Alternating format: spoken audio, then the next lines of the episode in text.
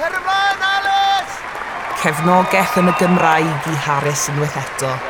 Mae'r dorf a'r gefnogaeth iddi wedi bod yn wych war y teg. Mae'r ferch ifanc wedi cipio calonau pawb nôl yng Nghymru. Ar gyfer pencampwriaeth iau hefyd, a'r holl ddiddordeb i chwarae tennis nawr gan gymaint o blant, mae'n hynod galonogol. Match point. Gall i wneud e. Gall y ferch un ar 15 oed o Gaerdydd ei wneud e. Llwyddo, lle trichwyd ei thad flynydde nôl bydd e ar ei meddwl hi nawr, fi'n siŵr. Alice Harris, ar serf i ennill pencampwriaeth iau Wimbledon. Ac mae hi'n llwyddo a bel yn gwidio Heidio Garcia. Y ferch o Madrid methu credu. Y dorf yn mynd yn wyllt, gorfoledd yn amlwg ar ei gwynebau. Y ddrau goch i weld ym mhob man unwaith eto. Byddwn ni ddim yn disgwyl dim llai. Mae hi wedi rhoi popeth i'r ymgyrch yma. Camilla Gossier i weld yn cael gair ar Llimanwr. Mae hi'n herio'r pwynt. Y Llimanwr yn siarad ar dyfarnwr, bydd hwn yn wiriad fideo. I Harris serfio ar gyfer y gêm eto, ar ôl chwarae fel yna, mae hi wedi troedio pob modfedd o'r cwrt. Mae'n ofyn mawr ohoni. mae Harris wedi cwmpo i'r llawr. Mae meddyg yn rhedeg ati i'w thrin, mae mam a'i hyfforddwr yn rhedeg ati hefyd. O oh, na. Mae'r bechgyn a'r merched ar y cwrt yn ffurfio wal o'i chwmpas. Rydym am ddirwn ein darllediad byw i ben wrth i Harris gael ei thrin. Dyna'r peth cywir i wneud. Mae hyn yn awful. I'r rheini sydd newydd ymuno â ni, mae Alice Harris newydd gwmpo'n anymwybodol ar Centre Court – yn dilyn ei serf olaf i ennill y gêm. Mae pawb yma yn dymuno adferiad cloi iddi. Fi'n credu gallen ni ddychwelyd i'r cwrt nawr? Ie, yeah, mae ma Harris yn cael ei chario oddi ar y cwrt. Mae'r dorf ar ei traed. Mae gysia yn cymeradwyo hefyd. Fi'n cael gwybod bod ambulance tu fas i fynd â hi'n syth i'r ysbyty. Gobeithio'n wir ei bod hi'n clywed y gymeradwyaeth iddi. Mae Harris yn gadael y cwrt da pob un ohonom yma ac adref yn gobeithio'r gorau iddi.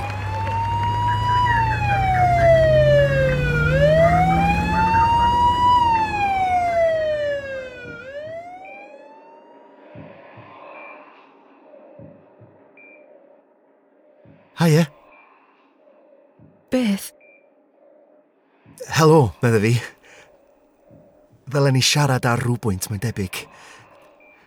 Dwi'n dall bod ni'n dau mewn sioc pan welon ni'n gilydd yn yr ambulans a phan gysylltyn nhw ti i'r holl beiriannau. Mi oedd gweld hynny'n dramatic. Ond dyn ni'n dau di bod yn eistedd fan hyn am spel rwan. Mae'r nyrs di checio'r monitors y leia dair gwaith a dos ar un o'n ni di deu gair. Rhaid ddim yn siŵr os o ti'n gallu'n gweld i. O ti'n gwybod?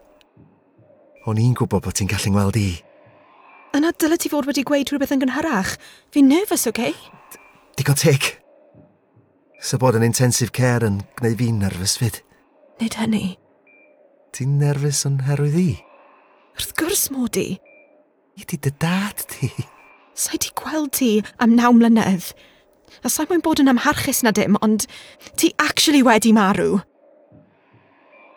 Digon teg.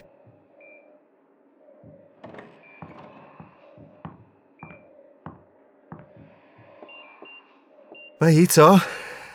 Checio dy fonitors i gyd. Chwer y teg, mae hi'n ofalus iawn o'n ti.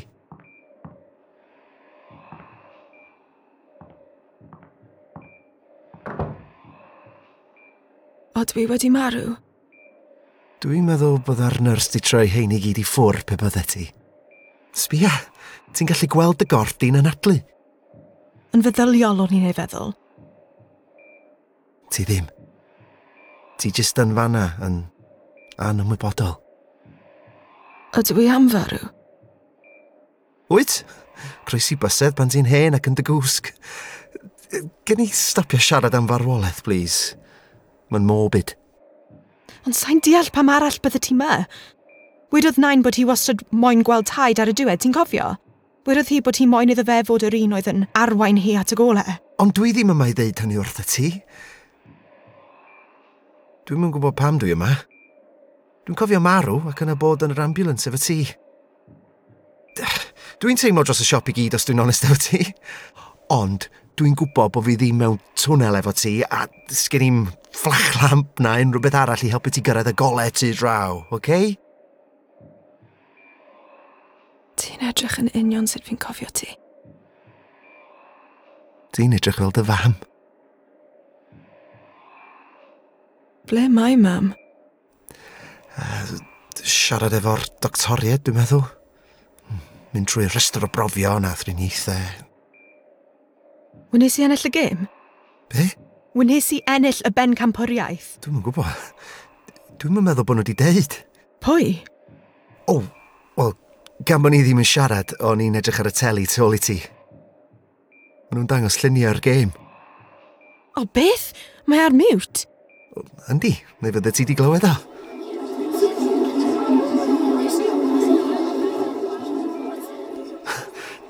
Sut nes di hynny? O'n i moyn iddo fe wneud. Ond sut o ti'n gwybod i drio? Fi'n teimlo bach yn wahanol. Mas yng nghorffi, o'i ti? Fel bod superpowers dy fi. Swn i'n ffeirio'r teimlad yna i gael bod yn fyw eto. Wrth edrych ar y lluniau eto, mae e mor ysgytwol. Ataliad y galon ac ond yn un ar bymtheg mlwydd oed. Ond, oedd hi'n cael ataliad y galon fel y Wimbledon Junior Champion newydd? Os hot? Wrth gwrs bod hot! Yn meddwl am ei mam, i golli ei gŵr Dafydd mor ifanc ac yna gweld ei merch yn anymwybodol ar y cwrt fel na.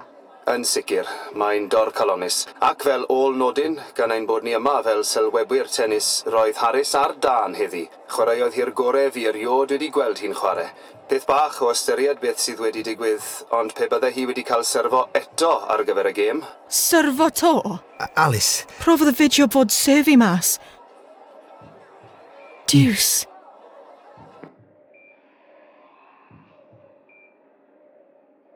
Os di o'n unrhyw help, Dwi'n un o'r llon llaw o chwaraewyr sy'n gwybod sut ti'n teimlo. Na, ti ddim. Nes i golli'r gêm na fyd. Dim colli nes i. Nes i just ddim ennill. Mae gwahaniaeth. Ia, diolch moch am hynny rwan. Dyn ni angen dy gael di nôl i mewn i dy gorff. Dyna sy'n cyfri. Dim gêm o dennis. Gêm o dennis? Dim chwarae yn byty yn y parc oedd hyn. Tennis ar lefel elitaidd uwch. Just tennis, dio. Falle bod dim killer instinct y ti, ond mae y dy fi. Ddyliwn ni fod wedi gwybod y bydde ti'n ymateb fel hyn. Beth mae hynny fod i feddwl? Pan ti yn y byd na yn dy oed di, mae dyflaenoriaethau di dros y lle i gyd. Ti dysgodd fi taw tennis oedd yn dod gyntaf. Ti ddysgodd fi taw tennis yw popeth. Fi? Do you mind? This is a private conversation. Mae'n check o'r monitors, so i'n gallu clywed ti. Ie, yeah, dwi'n gwybod. Ond eto...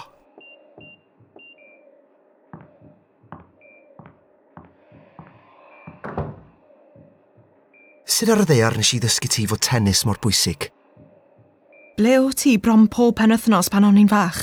Ble o ti yn ystod gwyliau'r ysgol pan o'n i'n dy angen di? Bant, yn chwarae. O'n i ar circuit. Ennill arian i dy gadw di mewn sgidiau. Nes i ddim dewis tennis dros yn heulu.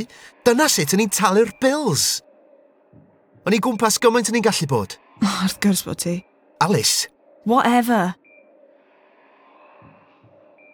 Yli, cym dy amser i alaru'r gêm. Dwi'n dallt. Mae'n iawn i fod yn flin am beidio gorffen ac mae'n iawn i ti fod yn upset, ond paid yn meddwl am un eiliad mod i am ymuno yn y melancholia pan ti'n mewn gwely yn ysbyty ymlaen i bron am arw. Bach o perspektif, ie? Yeah? Be ti'n neud? Darllen medical notes fi. Di hyn yn syniad da? Fi moyn gwybod os mae'n bosib i fi ddychwelyd i syrfo to. Rhwn nhw nôl. Na! Mae'n hollol hurt fod ti'n darllen nhw. Pam? Nodiadau fi unw! A ti di hyfforddi'n feddygol i wneud sens ohonyn nhw ti? Drach yn y ti! Ti'n mynd barod i gerdded eto a ti eisiau mynd i syrfio pel ar gyflymder y gan milltir yr awr.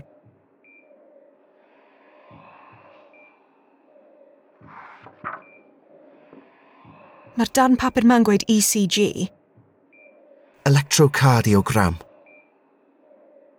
Mae'n checio rhythm dy galon di. Ar nhw roi gwifren ar ti yn yr ambulance, ti'n cofio? Ydw. Oedd y tymudiad sticin oer. Hmm. o, oh, so'n gallu gwneud synwyr o hwn. Mae fe jyst yn gasgliad o linellau gwallgo. Ydy dy hyfforddwr di erioed i gwneud visualisation efo ti? Visualisation? Hmm pan ti'n cael dy lygyd a dychmygu dy hun yn ennill. Na. Hmm, Ddyla fo wedi. Wel, so hi wedi. Mae'n helpu. Wir? Nag yw visualisation bach yn... Be? Dated. Mae'n gweithio. Sut ti'n gallu defnyddio fo rwan, trio dychwelyd yn ôl i mewn i dy gorff? Dychmyga dy hun yn deffro. Dim diolch. Os gen ti syniad gwell? Ti'n mynd i wylio'r teli yn lle gweithio allan sydd wedi gadw dy hun yn fyw, wyt? A syniad gwych. Briliant. Pryd dechreuais di fod mor anodd? Ti'n gwneud iddo fe swno fel dim byd. Ennill y teitl oedd fy mywyd i.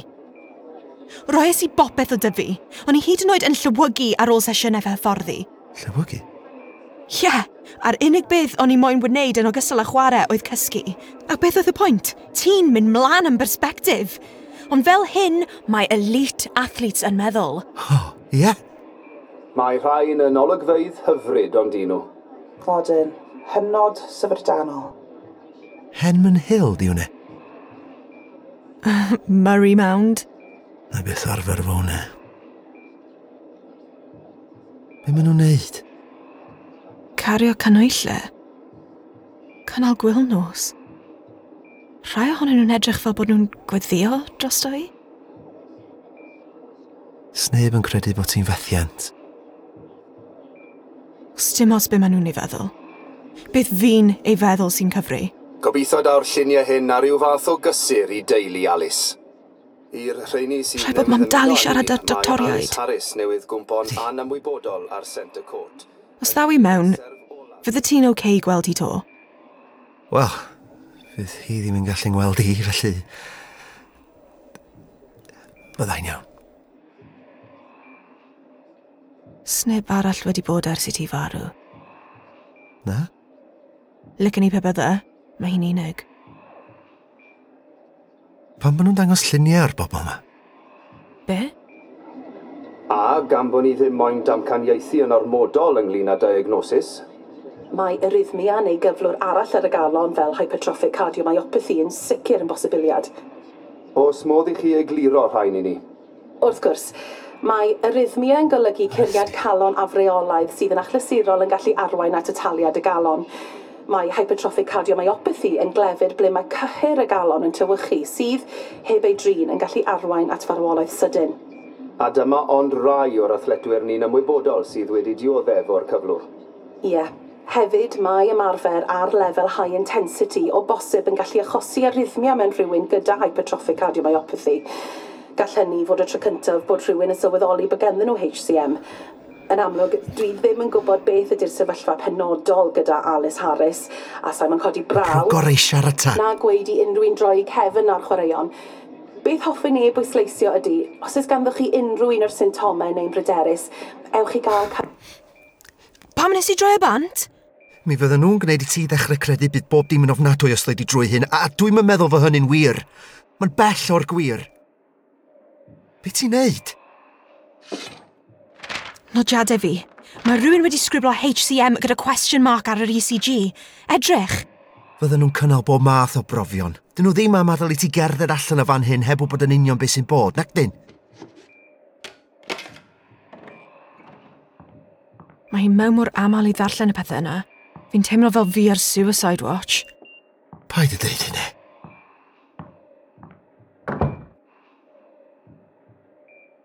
Be ti'n feddwl sydd yn y drip? Dim syniad. Pam? Just meddwl bydde fe wedi gwneud fi edrych bach yn well erbyn hyn. Dwi'n siŵr bod nhw'n gwybod be maen nhw'n neud. Fi'n edrych yn awful. Wyt. Mi wyt ti. Ali, os oedden nhw'n meddwl ti ar fi'n marw, bydde dy fam di yma yn gafal yn dy law di. Mae hyn yn rili really difrifol, nag yw e? Ie. Yeah. Wel, o'n i'n meddwl, Falle mae one off o dde. Gobeithio? Colaps o triniaeth adre a popeth nôl i normal. Ydw i'n cael chwarae tennis tro? Dwi'n yn gwybod. Fyddwn ni ddim yn gwybod sut i fod hebddo fe. Fyddwn ni ddim yn gwybod beth i wneud yn amser i. Wrth gwrs bys y ti. A fyddwn ni ddim. Fyddwn ni ddim. Gallu di wneud pethau eraill. Fel beth? Tennis yw'r unig beth fi wedi wneud erioed hyd yn oed pan o'n i'n fach a'r plant eraill i gyd mewn parties, o'n i'n hyfforddi. Paid edrych arna i fel bod ti ddim yn credu fi. O'n i'n hyfforddi oherwydd ti. O dim ots os o ti'n fyw neu'n farw. O'n i ddim eisiau siomi ti. Alice. Ti'n gwybod beth yw'r atgofola i ohono ti? Yr olwg a'r dywyneb di pan ddes i'n ail mewn tournament pan o'n i'n saith oed. Nes i'n siŵr mod i'n dod yn gyntaf o hynny mlaen ar ôl i fi weld ti edrych arna i fel na. O, ti mor siomedig. Cywilydd ohona i hyd yn oed. Paid y ffoeni. Wedys i pob tro yn i'n chwarae wedi i ti fynd. Bydd e'n gwenu yn y nefoedd. Bydd e ddim yn edrych mor gam arna ti nawr. Dwi'n yn cofio'r tournament. Mae pob rhiant arall yn edrych yn falch. Pob tro roedd e'n plentyn yn llwyddo i ddychwelyd y bêl. Ac yna nes i e cael lle yn ffeinal y campyriaeth o ti'n dyfaru ei golli i wneud ti'n falch. Dyma fi'n ffeili to! A nawr ti ma! Fi'n gallu dy weld a siarad gyda ti. A ti dal yn siomedig ono fi am beidio gwneud be ti moyn. A'r peth gweithaf am hyn, nid ond ti yw e. So fe wedi bod ers ti farw. Fi yw e nawr fyd. Mae dy lais di yn fy mhen i a fi'n teimlo cywilydd. Pob tro fi ddim yn ennill. Mae dy fi gywilydd mod i wedi colapso. Mae dy fi gywilydd am edrych fel yna. Os a fi nôl, bydd pobl yn meddwl yn wael ohona i. Fyddai un meddwl yn wael ohona i. Ac os yw athletwr lefel elitaidd yn meddwl yn wael ohono ti, Alice. Fi moyn gwylio hynnar fi'n siŵr bydd trafodaethau, ond mae'n anodd gen i weld sut gall unrhyw un gario ymlaen i chwarae ar y lefel Alice, yna. please. Ac uh, wedwch chi eisoes, mae'r cyflwr yn debyg o fod yn un wedi ei etifeddu. Mae hynny'n wir? Gall fod, ond mae achosion sydd yn gyfan gwbl newydd hefyd. Gallwn ni chwilio am newidiadau o fewn genomeg unigolyn fel camgymeriadau sillaf Trwy y ffwr. i rywun i helpu Aros! nabod y... O, pa help di hyn? Mae hi'n wahanol. Ble mednus? Doctor yn ôl i bythodyn. Pam geodd hi'r drws? Don't open my top like that! Pam bod hi'n rhoi gel yn arnau? Y peth mae hi'n symud arnau. Mae fe'n oer. Mae'n cymryd ultrasound o dy galon di. Beth? Edrych ar y sgrin. Dyn ni weld o? Mae hi'n cymryd screenshots a chreu llunellau. Mae hi'n mesur y gwahanol rannau. Yr ochr dde. A rwan yr ochr chwydd. Mae'r ochr yna'n fwy trwchus. Beth mae hynny'n ei feddwl? Dad, pan bod hi wedi stopo, edrych, mae hi'n sychu gela. Excuse me? Hello? Why are you packing it all away? Hello? Oh, please hear me! Please! Oedd na'n wael? Pa mor wael? Paid eich anhyrfu. Paid cynhyrfu? O ti'n gwybod beth oedd y prawf yna? Sut? Mae pawb yn gwybod. Na, sôn so wir. Yndi mae o. Pan o'n i ar y circuit, roedd yr eidalwyr yn cael o'r trosowns, ECGs. Eidalwyr? Mae gofal iechyd chwaraeon yn drylwyr iawn, sylwys ti? Beth? Ac eisiau i brofion ar ynghalon. Wedodd mam ddim. O pan fydda hi? Ddydys i ddim wrthi. Pam so mam ma to? Mae hi angen deall be maen nhw ddeithi. Mae gen ti fi. Gret. Fy nhad marw. Paid ymosod arna i fel ma. Nes i ddim dewis dadael di. O, ffain. O, a be mae hyn efo'r i lygu? Dim! Alice! Nes ti yrru mewn i goeden? Be? Yng ngolau dydd, nes i ddim swerfio i ysgoi unrhyw un. Ti oedd yr unig gar ar y ffordd. Wnaeth mam ddim siarad am y peth. Ni byth yn siarad am y peth! Alice! Yr unig beth fi'n gofio oedd ti'n siomedig dy fi am y tournament a'r peth nesaf ti'n gyrru mewn i goeden a marw. The beeps. They've been... So hi'n gallu clywed ti? Ni di ganolbwyntio ar beth sy'n digwydd. Mae am roi sioc i dy galon di. Alice! Rhaid ti gymryd rheolaeth neu falle fydde di'n marw. Nid i Steve o ti'n teimlo bod superpowers tu fewn i ti. Rheola hyn! Alice!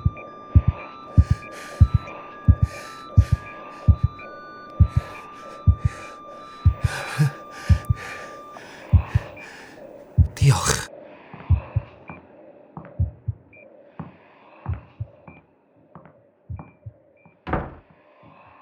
Bydd hi'n nôl yn y man dy doctor fi'n credu. Nes i ddim crysio'r car yn fwriadol. Be? Ges i boen yn ymres cyn fo ddigwydd. Ges ti drawiad ar y galon? Dwi'n meddwl. Pam o ti yn y car? O'n i'n mynd i weld doctor. Yn Surrey? Mae GP dyn ni gytre, dafled carreg o'r tŷ. Oedd hi'n arbennig graig. Bydd hi'n rhedeg profion ar ynghalon ni. Pam? Alice. Gweud wrtho i. O'n i'n llewygu ar ôl hyfforddi. Llywygu? Ac oedd o'n fwy na hynny. O'n i'n flinedig drwy'r amser. Pob hyn a hyn, mi oedd curid yng nghalon i'n cyflymu.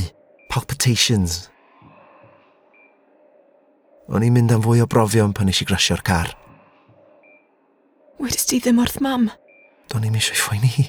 So gallen ni fod wedi cael hwn gen ti? A doedd hi ddim yn gwybod i edrych mas amdano fe. Doedd hi ddim yn gwybod sut i helpu fi. Di pob achos ddim di etifeddu. Ddidon nhw hynny ar y teli.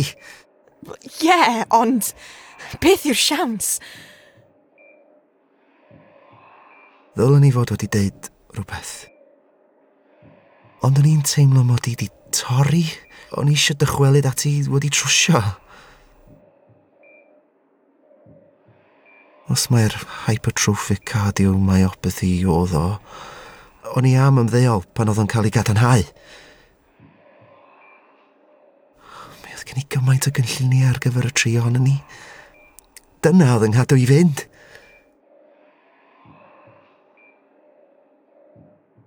Alice, please. Dos yn ôl. A rhoi'r gorau i chwarae tennis. Dos yn bellach na neis i. Byw. Gallai fynd nôl pryd bynnag fi moyn. Fi'n gallu deimlo fe. Gna ta. Bethan. A'r doctor. O'n i'n gwybod fod fi wedi dechrau'n y nyrs. Ddechrau nes di fi.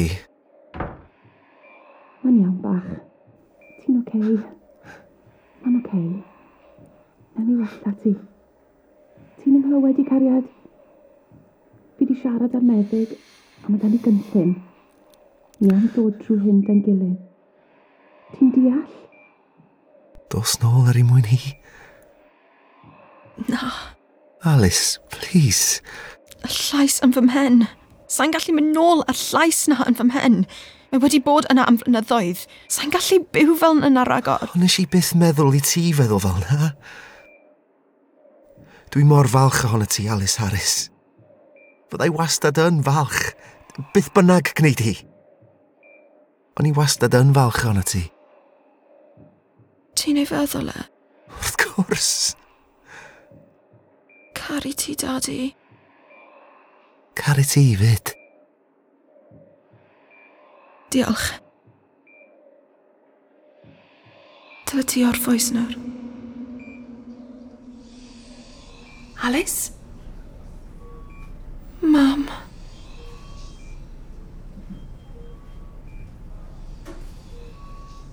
Roedd Deuce yn gynhyrchiad mewn partneriaeth â Illumin Theatre a Phartneriaeth Genomics Cymru ar y cyd a Pharc Geneteg Cymru. Chwaraewyd Alice gen i, Ella Peel, a Daf gan Daniel Lloyd.